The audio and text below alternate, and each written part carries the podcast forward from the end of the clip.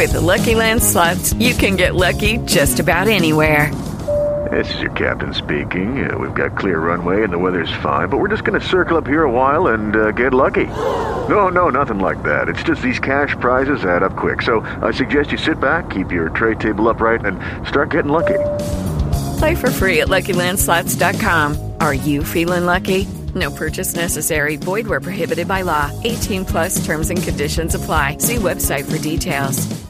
Hey guys, it is Ryan. I'm not sure if you know this about me, but I'm a bit of a fun fanatic when I can. I like to work, but I like fun too. It's a thing. And now the truth is out there. I can tell you about my favorite place to have fun. Chumba Casino. They have hundreds of social casino style games to choose from with new games released each week. You can play for free anytime, anywhere and each day brings a new chance to collect daily bonuses. So join me in the fun. Sign up now at ChumbaCasino.com. No purchase necessary. VGW. Void were prohibited by law. See terms and conditions. 18 plus.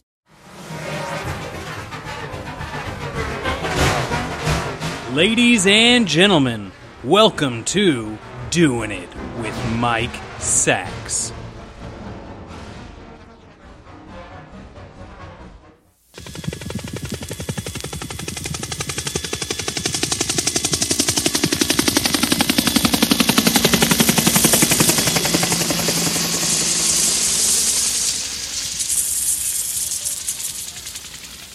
Saigon. Shit. I'm still only in Saigon. Ted, go ahead, sir. I'll take Paul in. According to Amy Vanderbilt, do you tip in a motel just as you would in a hotel? For a half an hour?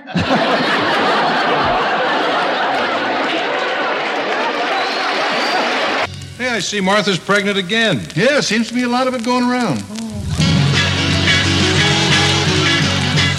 I don't mind men who kiss and tell. I need all the publicity I can get. My church welcomes all denominations, but my favorite is the $5 bill. You know, I've taken the lead in my community as an equal opportunity employer. I pay my wetbacks the same as I pay my Indians.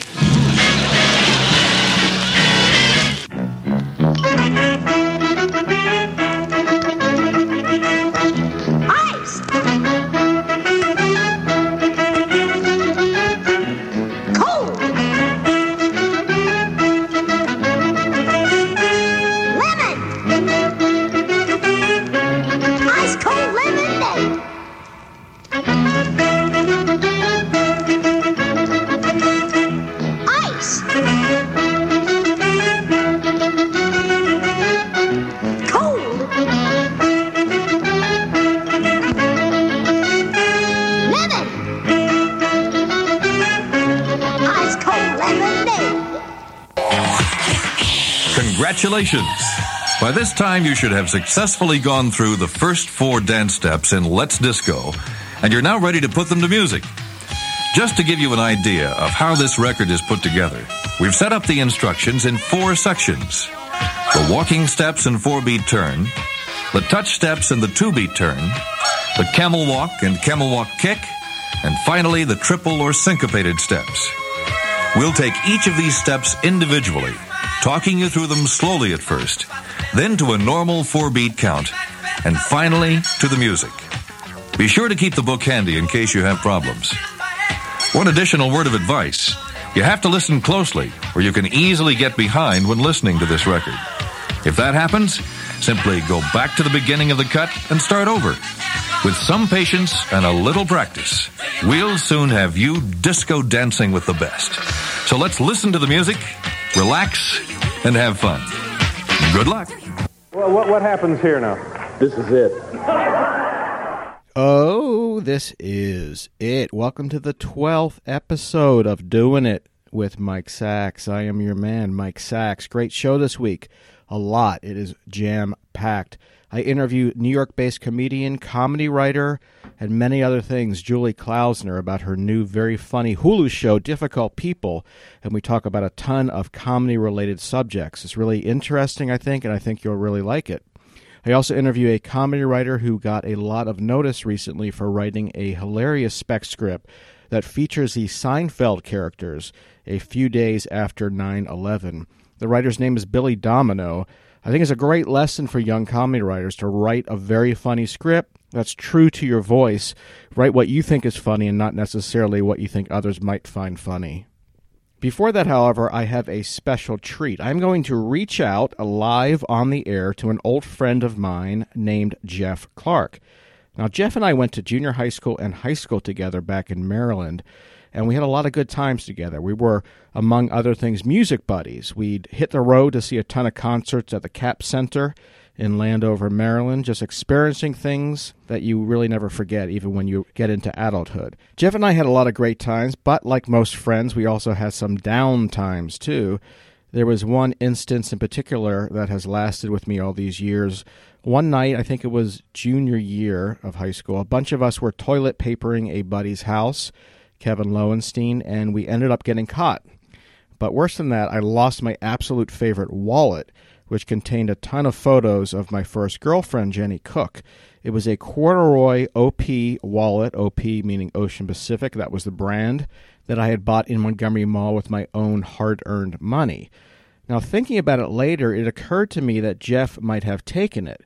I saw him a few weeks after this occurred in the school, and I asked him if he had done that. He denied it, but I also noticed that he was carrying a similar wallet that looked to be just like mine, but it was dyed a different color. I confronted him again, and he also denied it again. But so I decided to let it drop, if only to maintain our friendship. But recently, I was clearing out some old boxes in my parents' house in Maryland, and I came across some papers and photos and yearbooks that really took me back to those years. And it occurred to me that I hadn't talked to Jeff in a very long time, and that it was time for me perhaps to reach out to him. I remembered him very well, and I remembered him very fondly, and I was hoping that he remembered me in just the same way. I tried an old AOL email of his, but it bounced back. But a friend of a friend told me that Jeff now owned a hardware store in Potomac, Maryland, so I'm going to call him right now live on the show to catch up. I'm imagining he'll be surprised, uh, hopefully in a good way, and possibly even thrilled that I'm reconnecting. Life is too short to spend another minute not reconnecting. Okay, so here goes. Jeff Clark, one of my best pals from childhood.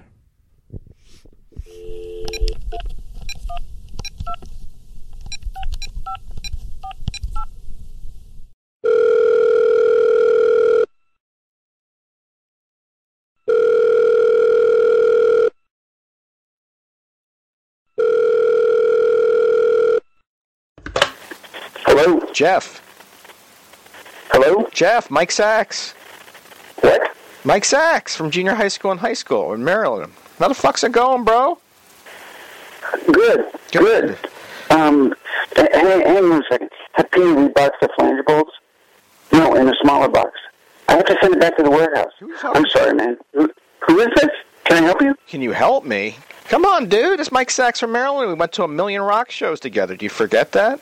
Rush, Judas Priest, Foreigner, Journey, Moody Blues, Little Feat. We had a lot of fun, man. Sorry, man. I'm, I'm, I'm swamped today. It's half off Tuesday. Half off Tuesday. What does that mean? I own a hardware store. Everything's half off on Tuesdays. Half off Tuesday. You should come up with something a little more bite than half off Tuesday. It's kind of dry, isn't it? Crazy Tuesday, terrible Tuesday, tip tip to Tuesday. Right. Is this an emergency? Yeah, it's an emergency. Life is short, man. Reconnecting is always an emergency. More importantly, I am a writer now at a magazine and I have my own podcast. You're on it now. 125 downloads a week. So I want to 125? 125, yeah. Okay. All right, well, it's new, but it's going out worldwide, potential for billions of listeners, you know. Anyway, I, I wanted to reconnect with you. I'm reconnecting with old friends, old girlfriends, and I wanted specifically to reach out to you. I was thinking of you recently. I was going through some old boxes when I was moving my parents out of their house in Maryland, and I found uh, so many amazing things tickets from shows and other things. Did not find one thing, though, and that was another reason I wanted to, to call you today. I couldn't find my uh, OP corduroy wallet. Do you remember that wallet? Right. You know, it's funny. There are some things that you just can't. The mop.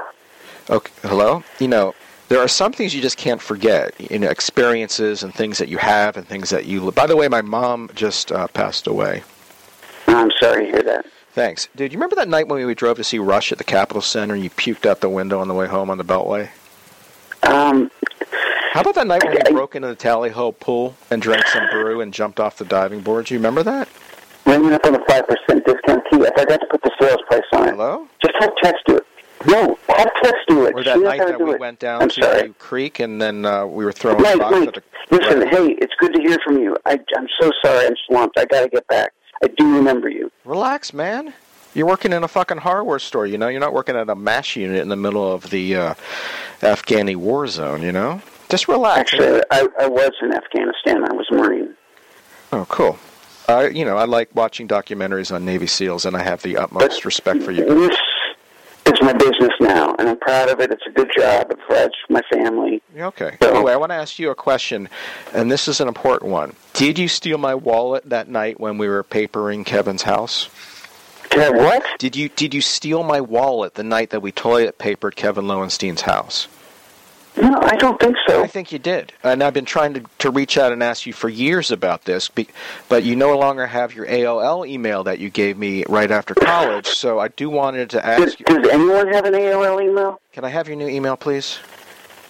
Why? Can I have your new You can email? accuse me of stealing? Slow it down, G.I. Joe.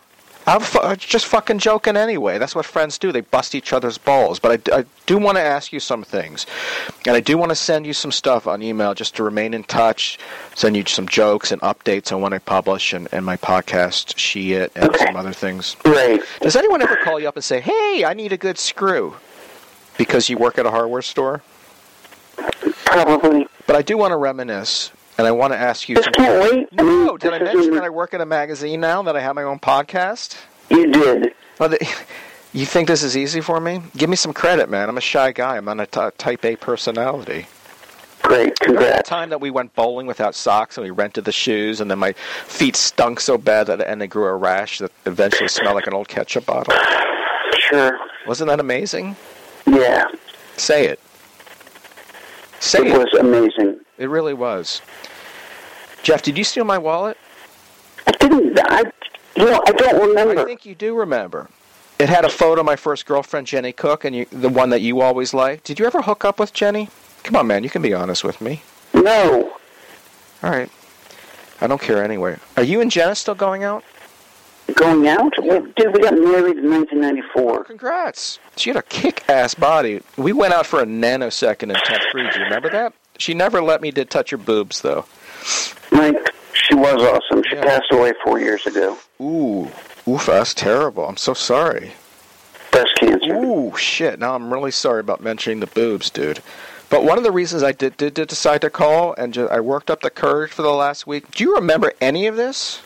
You know what? Actually, it's coming back. I remember a few things. Cool. I remember you not wanting to go out to parties, even when I kept asking. Uh, oh, I remember you just disappearing whenever we were planning anything. I had a social phobia. I remember your sarcasm. And I remember the hurtful things you'd say to someone when they wouldn't agree with you. Oh. And you throwing a snowball my little sister and her crying and you laughing. Never cried. Well, now your memory comes back. Jesus. Yeah, I remember a lot of things. I remember you being too cheap to pay for gas in my oh. car when I drove your ass to concerts. I remember you never. I remember you never writing back when I wrote to you in college and I was in basic training, and you ignored my invite to come over to my house on Thanksgiving. You never got in touch when my mom died. Yeah, it's all mm-hmm. crystal clear now. Bullshit, bro. I got a broadcast. Look, handle the register. I gotta get off with this guy. Mike, where are you calling from? Are you okay? The fuck do you care, dude? Oh, come on. I'm serious. Are you okay? You know I loved you, man. Okay, I love you. All right. That's all I wanted to hear, bro. Just I wanted to hear you say that. Two bros reconnecting. Well, thanks for reconnecting. No problem, but I do need your email. It, what is it? Jeff Clark at bullshit.com. Are you drunk? What? I mean, it's two in the afternoon. Are you drinking? Prescription, man. But that that's your business. Why? Prescription? From my doctor. kind of he has a PhD from the streets, if you know what I mean. Jeff, please just give me your just give me your email. Aren't you married? Where's your wife? Divorced. Divorced? Who are you, Marlee Matlin, Doctor Deaf? I just said divorced. Bye, Mike. Wow, incredible. you do your best to reach out and they just slap your hand away. Hmm. That's okay. I won't forget. I got a long memory.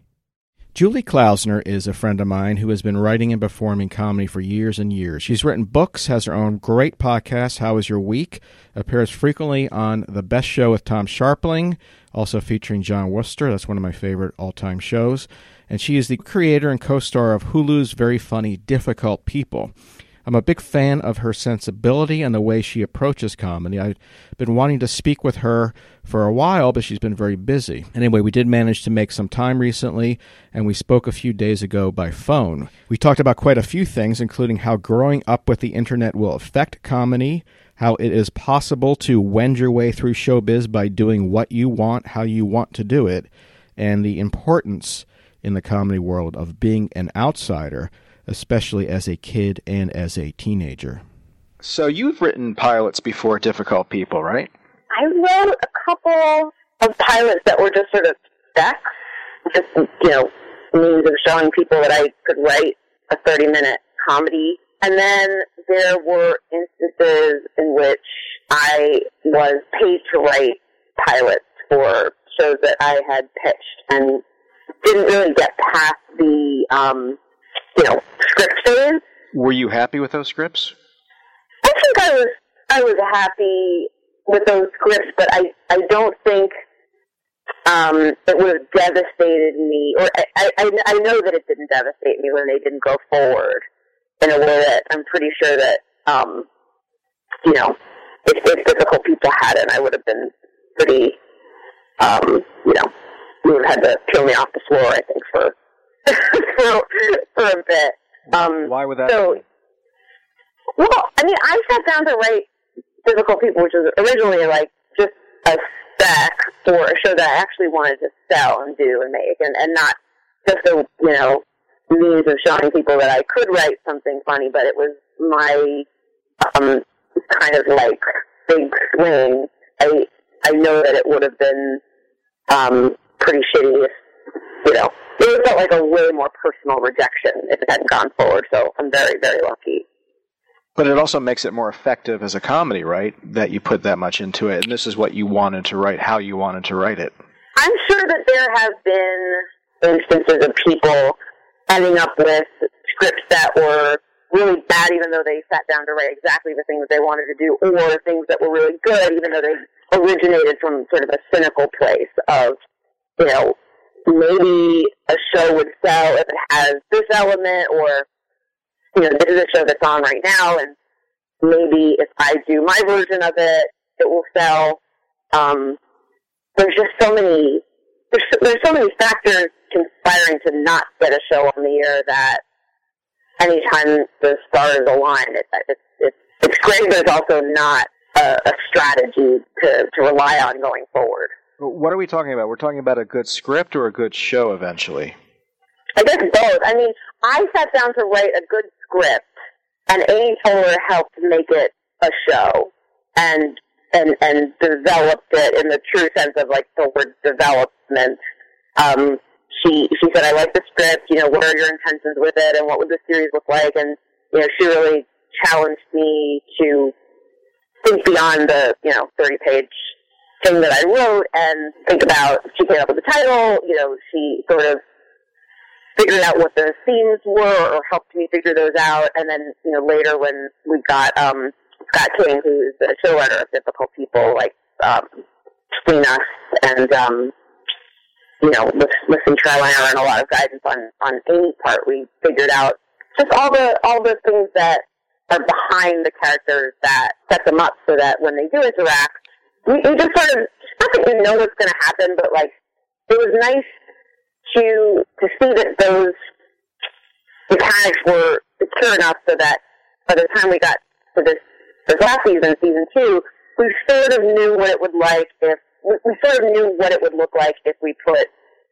Billy and Arthur in a situation together, or if we put Marilyn and Arthur in a situation together, or Denise and um, and Matthew get along, but Denise hates Billy, and Matthew hates Billy, but Matthew loves me. Um, and the, the, the, I guess, character dynamics that are something that you don't necessarily think about when you sit down to write. You just sort of think, okay, well, this is who this character is, and this is what's happening. But the more you, the, the more you think of it as far as a, a show, the more those sort of emerge, and if they work, it's um, it's really, it's really cool. Right. I, I, that's what I've heard too. That uh, you are writing the first show, but you also you're writing the 45th show and the 100th show of what's going to happen the second season, the third season, the fourth season, and you may have enough for one show, but if the characters and the setting don't, you know, uh, segue nicely into uh, more than one show, then you're going to have difficulty selling it. Yes, yes, and I always think of um, selling it or making it, or you know, writing it or, or, or staying in love with it. And I think of um, you know, as an example of character, it's such a it's such a like woofy word, like dynamics. For some reason, that that word bugs me. Maybe it's 'cause it sounds corporate and vague, but just the idea that every like jelly belly flavors, like you're going to combine chocolate and cherry, you're going to have this. The the ultimate example of that for me is Larry Sanders, just because you knew that those three leads all had very specific personalities, and the narciss- and, and Larry Sanders' narcissism was completely different than Hank's narcissism. And the idea that you would pair them up or put them into any sort of permutation, combination wise in any situation, and you kind of know what their attitudes would be, but then the the plots would kind of uh, surprise you beyond that. The expectations of okay, I think I know how this character is, therefore, therefore, in this situation, he or she would react accordingly, combined with the surprises of you know just something you haven't seen before. I think are some of the most satisfying things you'll see on a TV show specifically, as opposed to a movie. Yeah, at the time he was looked at as being uh, that was a strange decision among some people that he wouldn't choose a real talk show. But looking back, I don't think the real talk show would have lasted, and that the Larry Sanders Show is absolute genius and uh, and will last.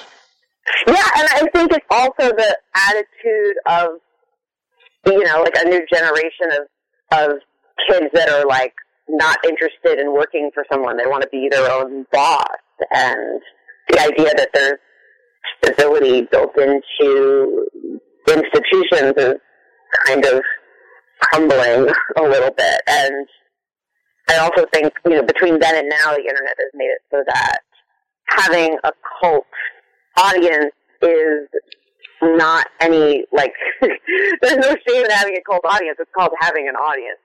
Just because something isn't a huge blockbuster doesn't mean that it isn't successful. There's just a lot more outlets. And even in the case of network shows, so many fewer people are watching them that, you know, you could maybe even call some of the network comedies cult in those terms too. Yeah, that's really changed over the. I mean, if if network shows were getting the ratings they're getting then that they're getting now, they would have been pulled off the air. But it's so fragmented now. Yes. But I think that's a great thing for comedy. Like you say, you don't have to get a huge nationwide audience. You can get a signi- or a small portion of the audience who just are real fans of the show. Yeah, absolutely. And I think it also helps with the authenticity of it and that you're not trying to please everyone. Um, you know, I always say that like I'm not making a show that is meant to please everyone. In fact, I'm shocked that I please anyone. You know, that I that I have even more than like a couple people that like it is um, always a pleasant surprise to, to me, no matter what I do. What does that mean as far as the comedy? It just means that you're speaking to the parts of you that are ugly as well as cute and lovable and pretty and polished, and that you're not looking to write something in hopes of being perceived in a particular way as much as you're writing something in hopes of putting your version of what's true out there and in a perfect world someone will connect to it or you'll get to something that's not been seen or shown before. Um, and that I think is a huge challenge with TV because there is so much of it that a lot of what we set out to do writing the show is just, well, what haven't we seen before? Or what have we seen before and love, and what would be a version of that that would make sense with who, you know, our characters are. But as far as authenticity is concerned, I mean, I just really think it has to do with not not thinking about your audience before you um, really challenge yourself to think about what you think about something. I guess. Yeah, and I think when it comes to comedy, it's that much more important. I mean, that's the word likable, what you use, used to be used in comedy in a way you would hear it all the time from executives that this character isn't likable enough, that character isn't likable enough. But I, think if you create a character who's real, even if if they're not quote unquote likable 24 hours a day, they will become likable to the audience because they are real and they're authentic and they're 3D and there's something that's um, you know real that you can be tethered to that, that the audience can actually see in these characters. Or just funny, because I think that if a character is funny, they're likable. People are going to want to hang out with a funny character, no matter how despicable that character is. I mean, like David Brent on The Office, or I mean, the idea that the executives would be like, you know, sitting on their hands, worrying about whether or not like Cartman was a likable character is so stupid to me. Um, I think it's it's something that's presented in the context of, um, you know, characters behaving badly, quote unquote, and also with you know the women in comedy of it all, which is something that occurred to me when the comeback first came out. I remember being really shocked, not shocked by it as much as like, wow, I've never seen anything like this before. Why is this so new and cool and different and weird? And it really just had to come. It really just came down to the fact that you know Lisa Kudrow was playing a character that was as awful as a character that Larry David would play on the same network. Well, here's something that interests me. When you say be, when, if you're funny, I mean, what can you be funny while also having your heart on the wrong side? You know, I, I'm using a specific instance here. There was a recent case of a comedian from Canada who made jokes about a physically disabled teenager, and he got a lot of laughs from this from the crowd. But he's now being sued by the Canadian Human Rights Commission for 25,000 Canadian dollars. and it really interests me because the crowd did laugh. Would the crowd laugh if the comedian was on the wrong side of goodness? Like, can you get away with that? Can, does, would someone laugh at that? Unless you're insane or a Nazi. It depends on the crowd, and it depends on you know your attention. I think maybe the crowd he was performing to laughed.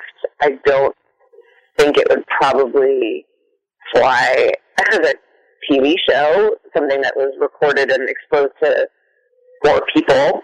Um, I don't know. I don't know that particular example. I definitely think it's, um, unless you're being dry and commenting on it, to be on the wrong side of things is pretty impossible to reconcile with likability.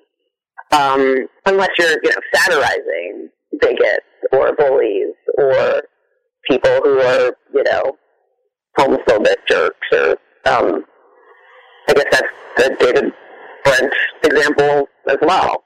Right, and w- in which case the margin of error is thinner. But you know, you hear something like with the Kurt Metzger situation going on now. You know, I don't know what your high school years were like, but I think most comedy people, including myself, we were total outcasts. So it, it's always outside mocking those who are not less fortunate, but those who are more fortunate. So to hear him and others say something like that sort of shocked me. Yeah, it's um, it's a very listen. I, I definitely, I definitely relate to the outsider element of what I do, and I and I I know that there are people in comedy that grew up being very popular and accepted, and I will always um, look at them with a side eye. I'll just always think, where is your point of view coming from exactly? If things were, um, you know, if you grew up like getting laid and you know, quit parties, like what, what do you have to say about the world that's funny? Um, that said, I think um, I think there's ways of being funny when you're, you know, I was going to say punching down, but I hate that I'm reduced to using that term of phrase because I think it's been invented by people that aren't in comedy. I think the idea that the internet job is to police whether or not comedians are doing their job punching up or punching down is so frustrating to me because they aren't writers. They're not in, they're not in the business of, you know, writing jokes and, and I think that often if you're satirizing someone that's punching down, as I think Anthony Jeselnik does really beautifully, um, you can say a lot about the hypocrisy of the, you know, social perfection that people expect in a comic voice, um, even though we're not all necessarily, you know, we, we didn't we didn't all necessarily sign on to change the world for the better. Um, we, a lot of us are, are doing it just to connect with other people that feel the same way that we do because we just didn't have that experience growing up. What, what were you like in high school? I was very much um, searching for my own sort of tribe, and I was very not even searching for my own tribe. I just I just decided I didn't want to uh, hang out with people in my high school, and I I was really into like see shows and very obsessed with TV and movies, and I was very eager to grow up and be able to do things that adults did. But that that I think is probably as much of my own decision as it was, you know, people people would go out of their way to make me feel unaccepted. It was just sort of a matter of me kind of waking up one day, looking around, and saying, "Nope, there's nothing for me here." I guess I'll just, um, you know, watch as much uh, comedy as I possibly can until I figure out how I'm going to do it myself. Well, do you think your sensibility would be different if you grew up now with the internet, where you could reach out to like-minded people? Oh, absolutely. And I and I know it's a cliche to say this, but I really do thank God every day that the internet hadn't existed when I was growing up as a teenager, particularly. Um, I, you know, my worst writing is um, thankfully less exposed than it would have been if there had been an instant way of reaching millions of people, or at least thousands. I just wonder what the next generation of comedy writers will be like because they have access to like-minded people. I mean, if you like a very, very specific movie, like I did in, in high school, you can now reach out to people, thousands, who also like that movie. But there's, Yes. there's just a sense of aloneness that I think bred a certain type of comedic, you know, angle, uh, sensibility, style. I mean, yeah, I see. I see what you mean. I don't romanticize the impossibility of being able to get my hands on a copy of Fun Man or you know all of like Get a Life on tape, which I remember like looking for before it was on DVD, and you know not having eBay or YouTube in order to get stuff I, I wanted and going to record fairs and things like that. I, I don't I don't romanticize the the scarcity of it, the the community part of it. I don't. I, I I think that the idea that people are less isolated because they're in touch on the internet is sort of a fallacy, and just in the sense of it being, you know, you feel like you're connecting, but you're not really connecting because there's no there's no face to face human interaction, or at least ways of presenting yourself that are completely, um, you know, you can you can show people the ugly sides of you more easily when you have contact that's not limited to an internet that is interest focused. Um, that said, I think anyone who uh, wants to write or write, and and comedy and writing can be different things. I mean, there's a lot of comedy actors and improvisers that don't spend um, a lot of time alone, and they're they're you know they're inspired by social situations as much as they are by spending time by themselves, like looking at stuff and reading stuff and watching stuff. Um, but um, but if you are going to write, you have to figure out a way of being alone and being if not comfortable with it, at least being able to tolerate it as much as you know, for as long as it takes for you to get some writing done. And that I don't think has changed from the internet to, to you know, time before it. It's just easier to distract yourself with the, you know, fallacy of being more connected, I guess. Yeah, and I guess it doesn't compare to to being a teenager compared with being in your 20s and 30s and finding your tribe. Yes, I mean, I think, I, I, yeah, I mean, I don't know if, um, I don't know if the idea of finding your tribe online has the same sort of benefits that it does when you actually find people that you want to work with or fit in with or, or feel a kinship with um, when you are in your 20s or 30s. But I imagine there is um, a little bit more comfort to knowing that there are people out there like you when you're an adolescent um, that the internet, I'm sure, provides in some form. Yeah, and I, it's so important too to surround yourself with like-minded people. If only, I mean, for the creativity, but then also for future job opportunities. Oh, no question. And I think that you know one of the most annoying mistakes that people who are sort of starting in comedy or, or want to be, um, you know, working in comedy as writers or performers or stand-up will ask for advice, um, and they will put a lot of energy toward either.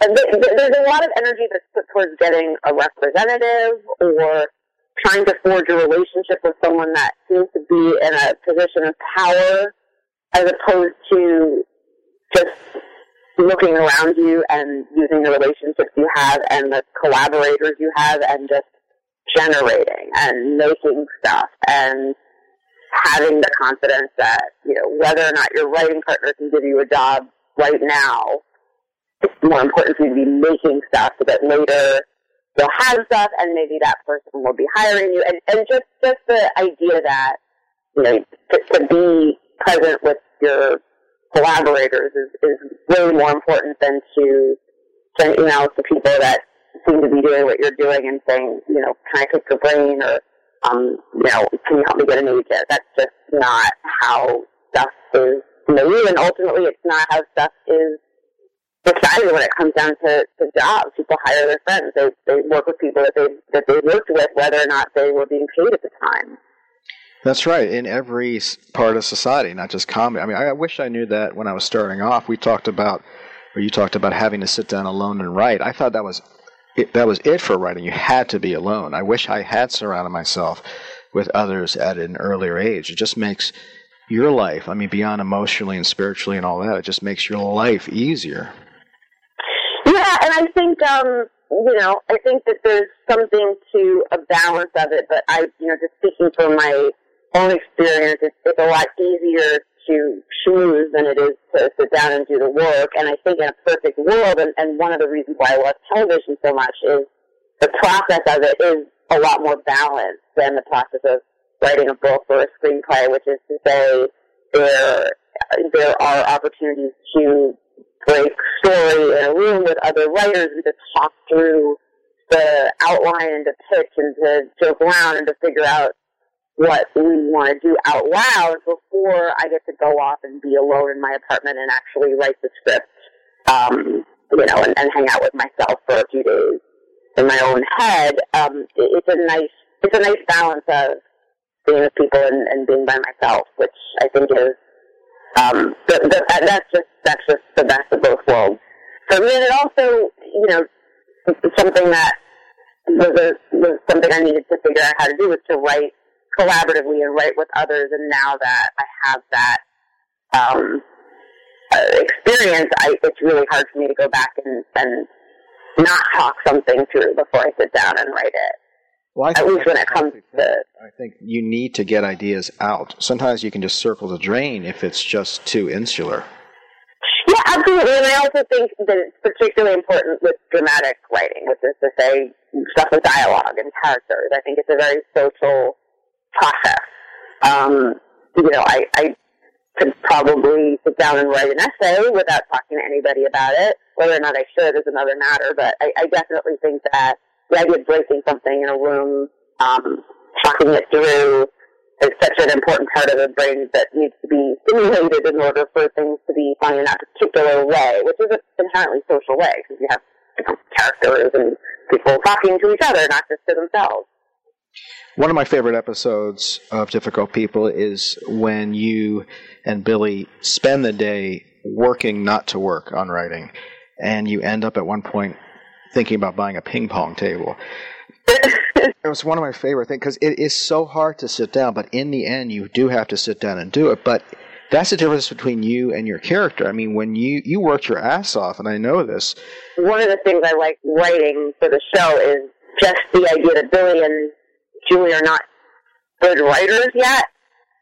And a lot of that has to do with the fact that they can't just sit down and do the work and they and that has to do with them not being able to take responsibility for what's not going well in their lives.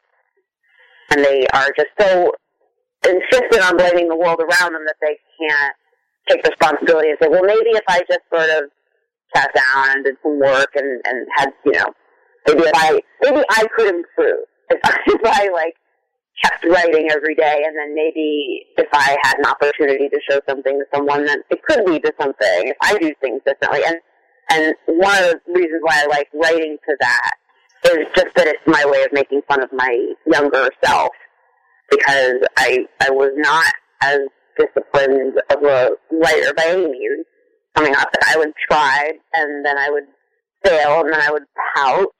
But um you know, eventually I would I would keep moving forward and getting better, but I do look back and see some of the petulant impatience of my younger self who, you know, was all too all too quick to blame everything except for her own inability to sort of be quiet and keep your head down and do the work and to be able to write that in the form of these characters is, is really satisfying.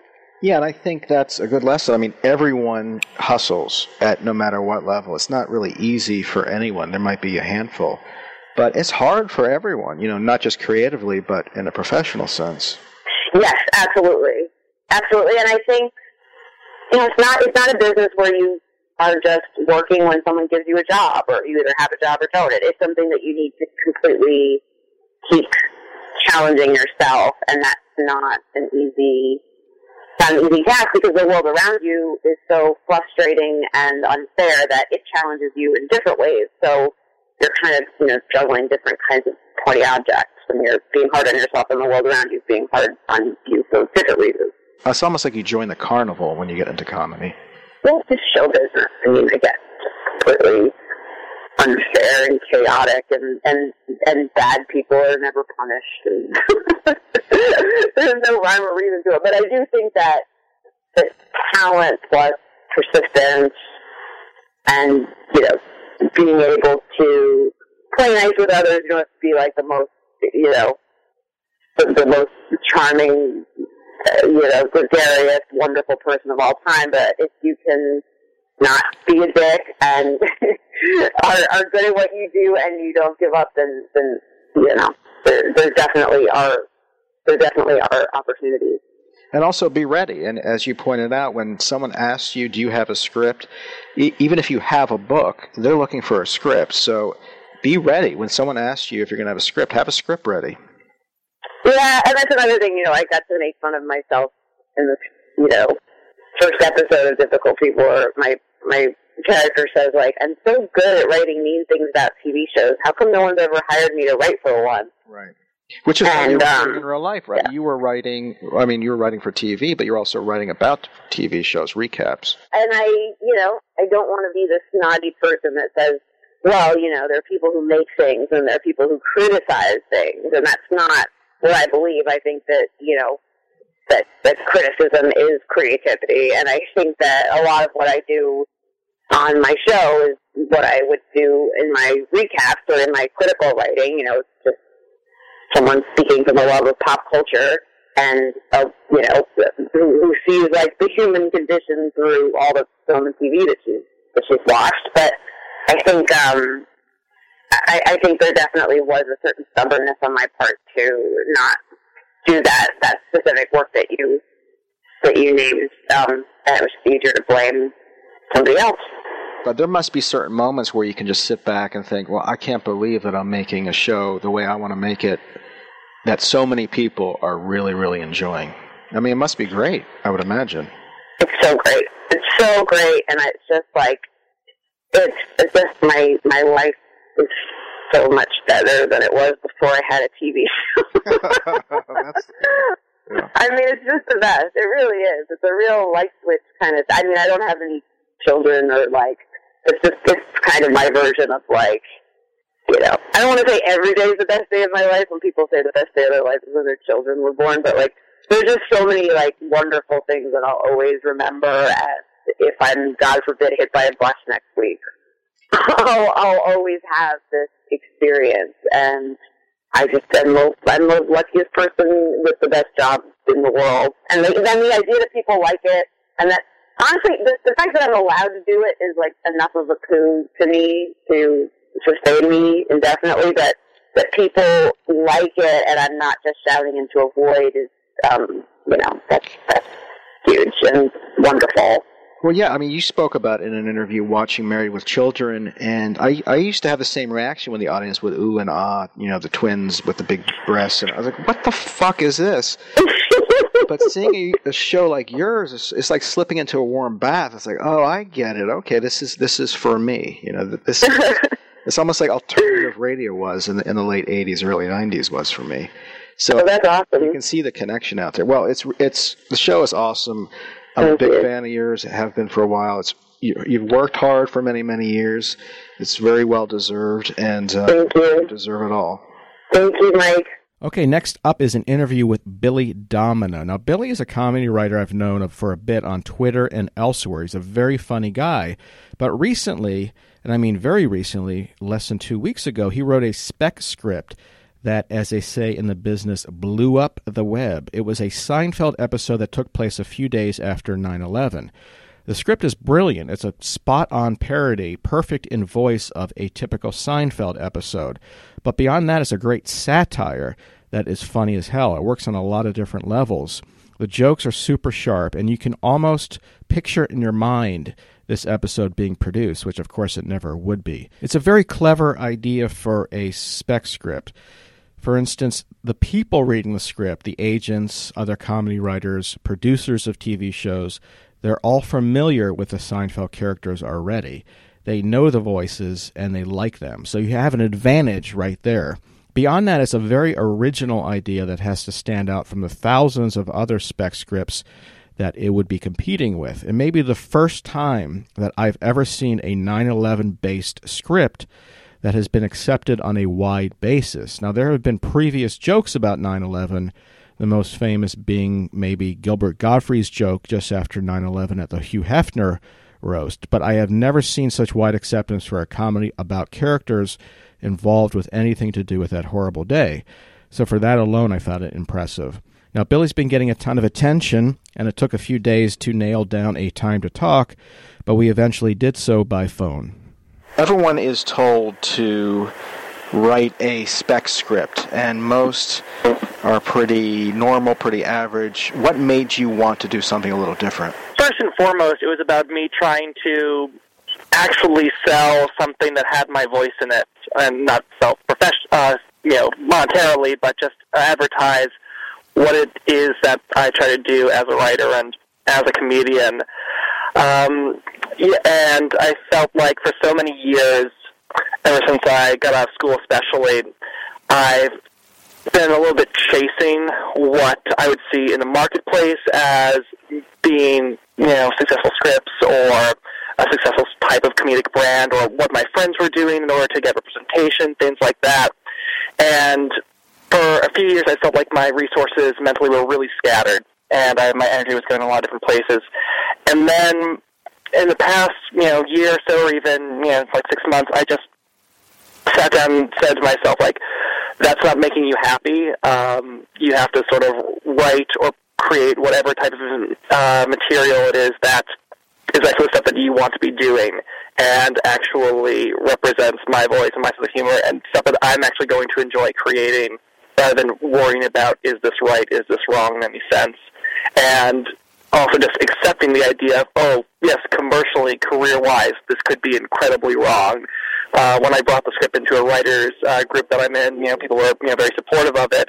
Uh, one of my friends told me, just so you know, if this gets sent around in any way, like there will be some people who read this that will never want to work with you. Uh, and luckily, as far as I can tell, I haven't really gotten that negative response professionally. But I totally understood that as the risk. I expected it to be the case, and I just said yes. I would rather a hundred people in very high positions of power hate me forever and never want to talk to me again, so long as it helps me meet the one person who actually understands what my voice is, what it is I want to say with my voice. That's right, and you, they may not want to work with you, but if someone doesn't get it, you wouldn't want to work with them. Pretty much, yeah, and that, it sort of all ties into the same idea of trying to chase, you know, what's in the marketplace at the time, what seems to be, you know, particularly popular. There's if it's not true to your voice, like then I, you're never going to succeed. And you're always going to have that, you know, resistance deep down in yourself. Even if you enjoy what it is that you're trying to adapt to, you're just never going to be able to access the work on that deeper, organic, you know, frankly, almost like spiritual level of, yeah, this is me coming out onto the page, or this is me coming out onto the stage right now. You know, rather it's it's trying to you know hold yourself back when I think whatever you're doing artistically, you know, you have to make sure it's bringing you forward. I think that's a great lesson, especially with comedy. I mean, you get into it because you love comedy, so why break it down like a science and write what you think is going to be like liked out there rather than what you enjoy and what your sense of humor is? Yeah, and I think there's you know there's plenty of place for the science of it too, and that came down to when I actually so I got the initial idea, and then I frankly sat on it for about four months, and so I was just you know watching episodes now and then, and but really just sitting with it and trying to crack in my brain, and that's what's place for the science of it, and that's where I really do enjoy the science of it. Okay, how do I put my my idea literally in the voice of this show, but my voice gets to come up through the idea, and yeah, there's no there's no sense silencing that end of it. No, exactly. That's one of the reasons I liked it so much. Is it's a parody, a great parody, and it's also satirical. But you can actually see it having been filmed. It's so accurate to the show, and like you said, to the complicated structure of it, that it, it you really nailed it initially as I was, you know, playing with, around with the the story beats and things like that, I'm like, okay, what is the tone this is going to strike? I'd never read it before, but I had certainly heard the legends of like the uh, the Friends uh, eight spec script from the '90s, and I again, yeah, I'd never read it, but I imagined, okay, if that's going to work, there has to be sort of or if that was going to be written, it must have been a little bit more of an overt parody on some level. Whereas I wanted, as you know, an experiment for myself as a writer, and just in terms of the product I want to create, I tried to truly think, okay, if they had to write a 9/11 episode, how would they do it? How would they keep it in voice? How would they keep it even within you know standards and practices, things like that? And so this is you know when I by the time I was done with it, I you know put out content like, okay, this is at least you know in my brain, this is how they would have tried to tackle the issue, and I've been very been incredibly thrilled that people have been so complimentary about you know, its adherence to the format. Have you heard from any Seinfeld writers, such as Peter Mehlman, who's on Facebook? I have not heard from any Seinfeld writers directly, and I know that uh, after I did a little interview for Entertainment Weekly, um, I, uh, I said at the bottom of it that they'd reached out to uh, all four actors plus Larry David, uh, Jerry and Jason Alexander uh, declined comment, and the rest uh, have were unavailable for comment. What's been going on since this this sort of hit and hit big? I've been getting a lot of emails um, and a lot of opportunities for you know things like representation that I now uh, am fortunate enough to be in a position, a position to be sorting out. Um, emails from production companies and uh, people like that reaching out, and on a truly per, uh, purely personal level, the some of the coolest stuff has been people reaching out to me on Twitter, comedy writers and comedians, and even non-comedy people um, who I've been huge fans of for years. Uh, you know, retweeting, messaging me, and that's that's really been you know the affirmation of it because uh, to truly know that oh this isn't just seen as something that you know a bunch of you know agents or um, or managers are seeing and think oh okay I can do something with this guy. It's the people like you know Chris Kelly at SNL or um, you know Xander Kaiser, Alec Sulkin, or one of the coolest ones was uh, Jon Lovett, the former speechwriter, who is now a writer out here, a comedy writer out here. Um, you know, saying, "Hey, you did a great job. You know, you did this right," and that's just um, as someone who's looked at people like that as models of how to try to break into this business and how to structure my work, whether it's on the purely joke level or you know in, in longer formats. Uh, that's then you know it's something you know sort of truly validating. Well, it's an interesting thing. I think if you had sent it out individually to various agents, it might might or might not have received a positive reaction. I'm sure more of a positive than a negative reaction. But the way you put it mm-hmm. out there, people like to, to discover things, and I think once it, it creates a scene, agents want to then go to the source. And I think what you did was very, very smart. You know, in the past, you mentioned the Friend script. There have been scripts that have been sent around underground in the bootleg world, and that had never been seen by those beyond just a small circle and hadn't really done the right of the job. But the great thing now is that you can put something up like what you did and within uh, one day, two days, be read by thousands of comedy writers and agents, which is, I just find astonishing. Yeah, I'm certainly lucky to have written this at the time that I did when I had the the, the resources of, of social media in order to put it out. And yeah, I think you're totally right. It, if every individual was reading this in a vacuum, even if all of the same people and the same numbers were reading it, I think it's almost something that need that publicly needs to be known in order to truly gain traction because people individually need to be validated. I think that it's okay to sort of enjoy this. Um, I I definitely like people in my like writers group who I you know who were able to you know read it a few weeks before uh, it went public again, very supportive, 100% on board, but there was sort of like the wonder, you know, in their eyes, like, I had one, you know, my friend Robert even, like, asked me, like, why are you doing this? Like, why would you take this risk? Like, and just because I think there's this, you know, natural sense of, oh, even though this is, you know, I, I guess, you know, good, like, people still on some level, you know, believe this can't be the right way to go about doing it, and so just because it feels, of course, you know, it's on some level going to feel wrong. So it's a script about 9/11. Uh, so, but in order for everyone to sort of be collectively like, all right, we're on, we're all on board for this. It's all okay, great. And we all agree that we're not, you know, hating on first responders, or we're not, you know, you know, being offensive, at least uh, in a hurtful way.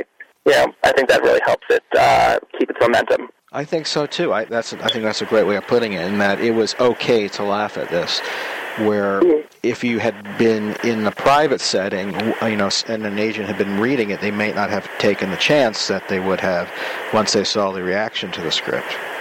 Mm-hmm. No, I think that's absolutely true. So, what was your goal? What kind of writing job did you want to get from this?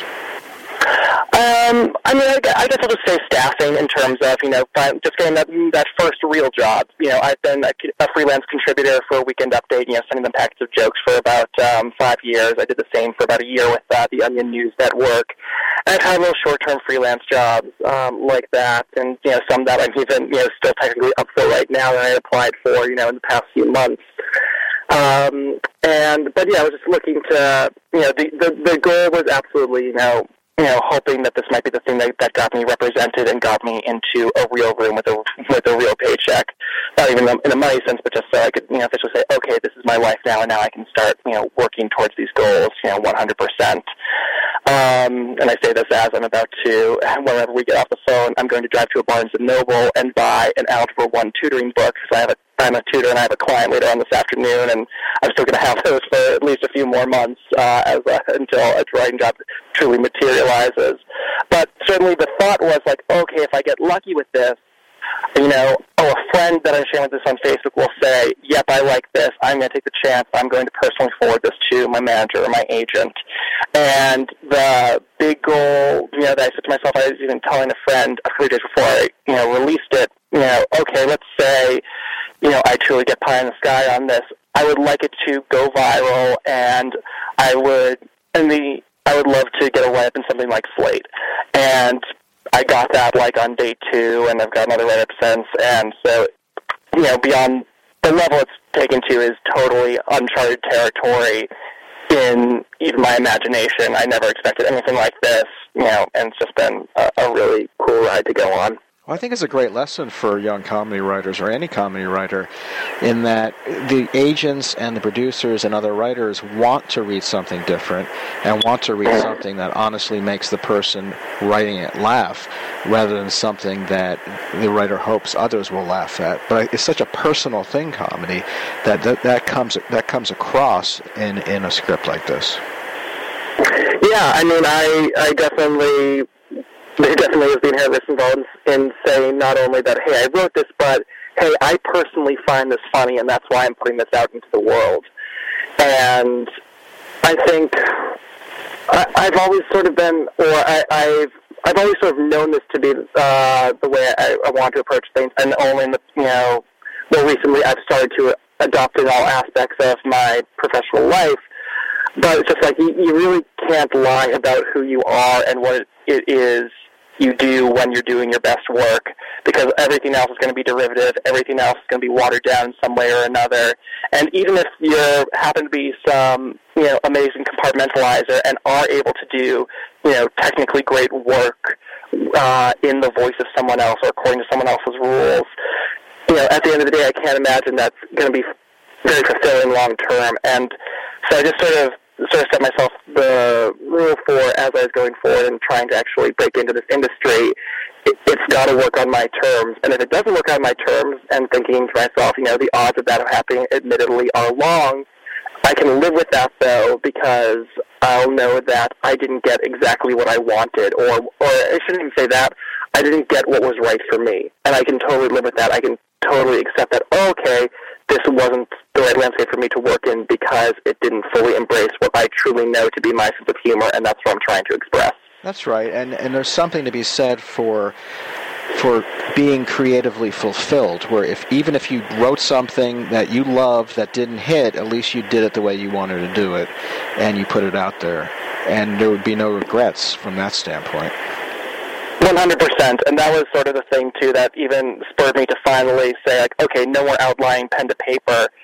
Um, just recognizing after, like, I told the idea to a friend I hadn't seen in a while, and she, you know, I saw her face light up, and she's like, that's insane. Just recognize, like, yep, if I, like, and I started even the last couple of weeks before I released it, I got into full bit paranoia of someone else has to have this idea right now. I know someone else is working on this exact same script.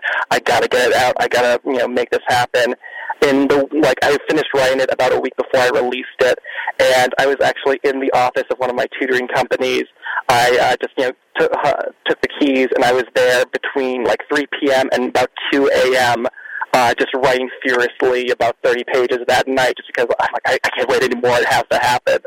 Um, but yeah, I, it's been incredibly you know fulfilling to yeah to see that it's been accepted to see that that you know you are having that intended effect on people. You're making people laugh, and you're and you're making people especially grapple with this very tough issue that especially not even just the tragedy of the day, but let's be honest, you know, it's taken over our lives for the past 15 years, you know, every, you know, politically at the very least, and for so many of us, you know, on a much more fundamental personal level.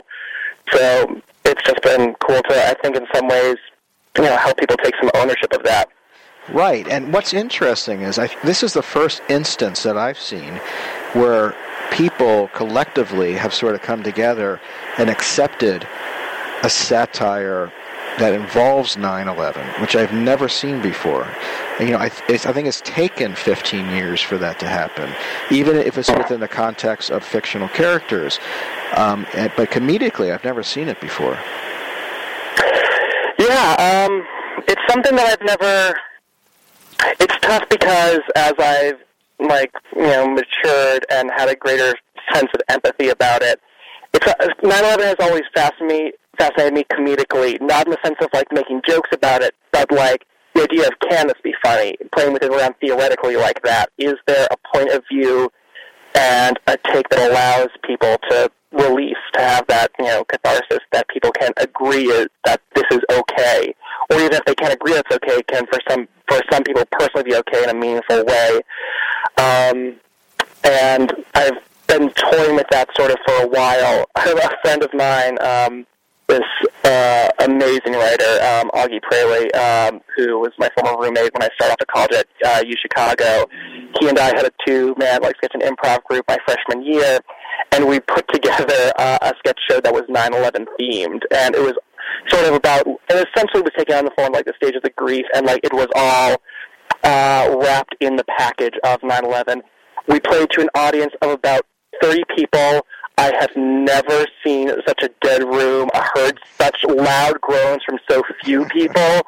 And like we just walked backstage, and like luckily, uh, one of our props for it was a six pack of Miller Chill. I don't think it's made any more of the horrific uh, lime light beer, but luckily we had that as a prop because we needed it imme- immediately. Um, and but and then talking to some people, I even told them afterwards, like, "What the hell were you thinking? Of course, those are you got." And and I'm like, "Yeah, of course, I knew that was likely the outcome. I knew that was the huge risk I was taking and walked right into. At the same time, I didn't fundamentally agree with you can't take that risk. There, that there's no possibility of success there. We did not hit the right tone at all. Like, you know, we didn't. I think we probably didn't hit it head on enough or dig deep enough into what it was like really about. And I think in some ways we probably censored ourselves and just made too much of a regular sketch show. Um, and also the timing and the audience, all those things, just certainly weren't right for it.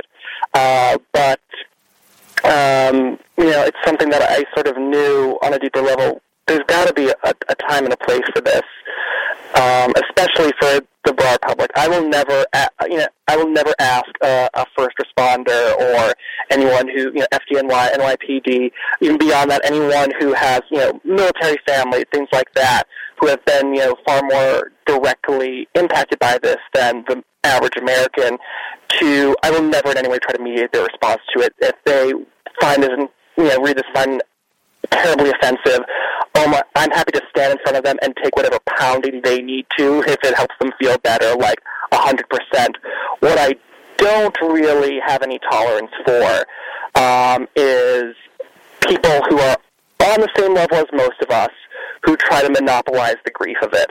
You're allowed to decide, oh, this is not funny to me, but if anyone from just the larger citizenry who doesn't have a personal connection decides to try to label this as inappropriate, no, that that's next. Like you you need to give us all a chance to process and grieve and enjoy life in our own way at this point. Right. Well, that's the problem with a lot of um, comedi- criticism of comedy recently is that you they they confuse the satire with what you're trying to satirize. So obviously, you're not making fun of 9/11 or those who died in it. You're making fun of characters who are so beyond help and so selfish and so egocentric that they can't see the madness and the craziness and the sadness beyond their own lives.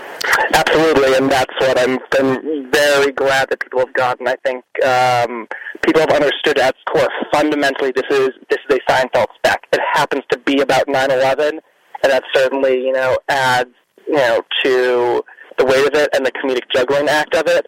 But fundamentally, it's it's Seinfeld, and it's just an exploration of these characters in a particular set of circumstances that are germane to all of us.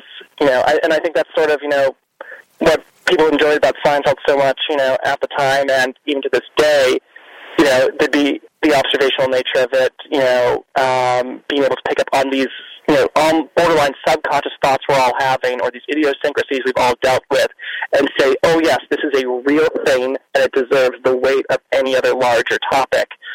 There, and I just wanted to see what would really happen if a show like that took on the ultimate, you know, sort of like elephant in the comedic room. You know, can can it actually put words to that the way you know it put words to you know something as you know simple as you know like you know double dipping. Well, what's interesting too is that I think you were at an advantage by writing in characters' voices that people were familiar with. If you had done it with original characters, it would have been harder to hit. I mean, we're talking about a subject where the margin of error is very, very small. So, if and if you had missed, it would have been disastrous. But because these are likable, even though they're they're un, you know likable, unlikable characters, you it it was a very smart way of getting into the satire of it. I thought. Yeah, certainly.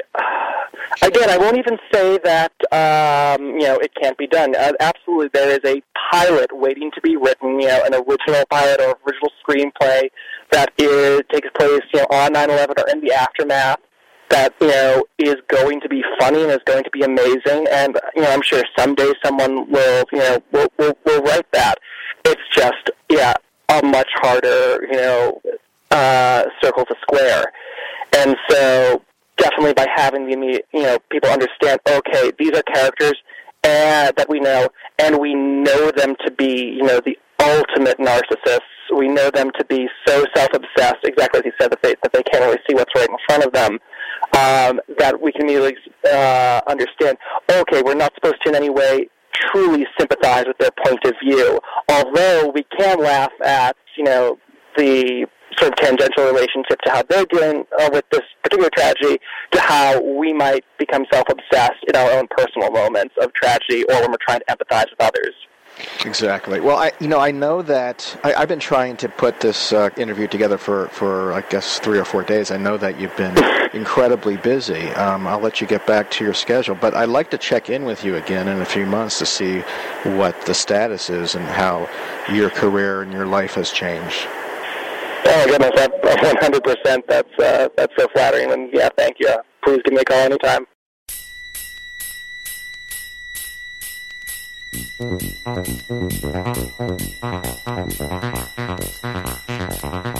That is it for the 424th episode of Doing It with Mike Sacks. Here are some highlights from the upcoming podcast. I will tell you about that 16th century candle maker who discovered time travel, but then died in my arms from the Zika virus. Two Step Lucy will be here once again, but not to show off her verbal skills without using her tongue. No, Two Step Lucy will be here just to talk about how little she cares about the Olympics. Two Step Lucy, she will be here. I will be detailing the hallucinations I experience nightly within my homemade sensory deprivation tank that I built recently out of cardboard and seltzer water. There will be the oral history of the oral history, and this will last a good six hours or so. What does John Hodgman's ironic mustache smell like this week? Desperation, flop sweat, or watermelon flavored bubblegum? Regardless, it'll be exciting and we will find out.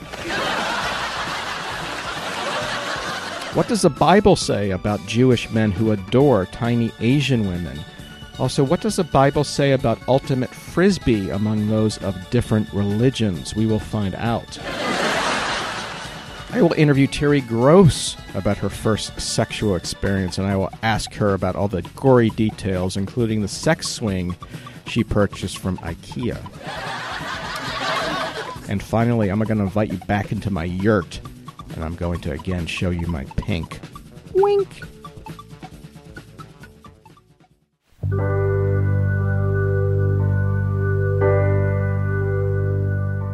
I appreciate you joining us. I really do. I look forward to seeing you the week after next, especially you. That one. That's right, you. I'm pointing to you, that one who called in sick today in order to watch the entire run of Mama's Family episodes on Netflix streaming. I'd like to thank Julie Klausner for sitting down and talking with me. I'd like to thank Billy Domineau for sitting down and talking with me. Tyler Wall, Brian Haddell, Andrea Salenzi, Avery Edison, and Ben Hating for donating to our Patreon page. This was the reward they chose, me just mentioning their names. Tyler Wall, Brian Haddell, Andrew Salenzi, Avery Edison, and Ben Hating. Thank you. I love you all. Rob Schulte for producing, editing, wrangling everything. You can reach Rob at robkschulte.com. That's Rob K S C H U L T E.com. He's a great podcast, GFY with Max and Rob. Check it out. You can reach me at MikeSacks.com or at doingitwithmikesacks.com. Now, until next time, do you know what to do? I think you do. Keep your feet on the ground and keep doing it. Now get this honky. right, what's, sorry, carry on. Okay. Speed. Word. How's that? What was the message, Mr. Gardner? Now get this honky.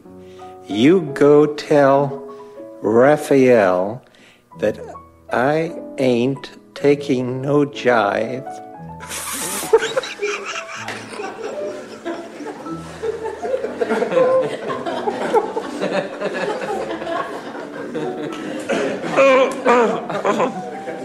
Sorry. That I ain't taking no jive from no Western Union messenger. You tell that asshole if he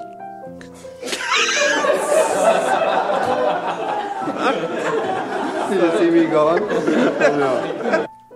Yes. You tell that asshole.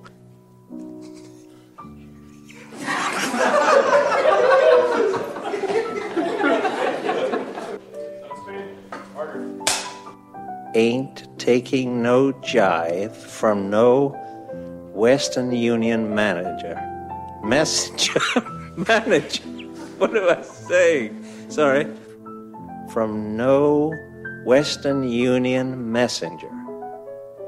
You tell that asshole if he got something to tell me to get his ass down here. oh, shit.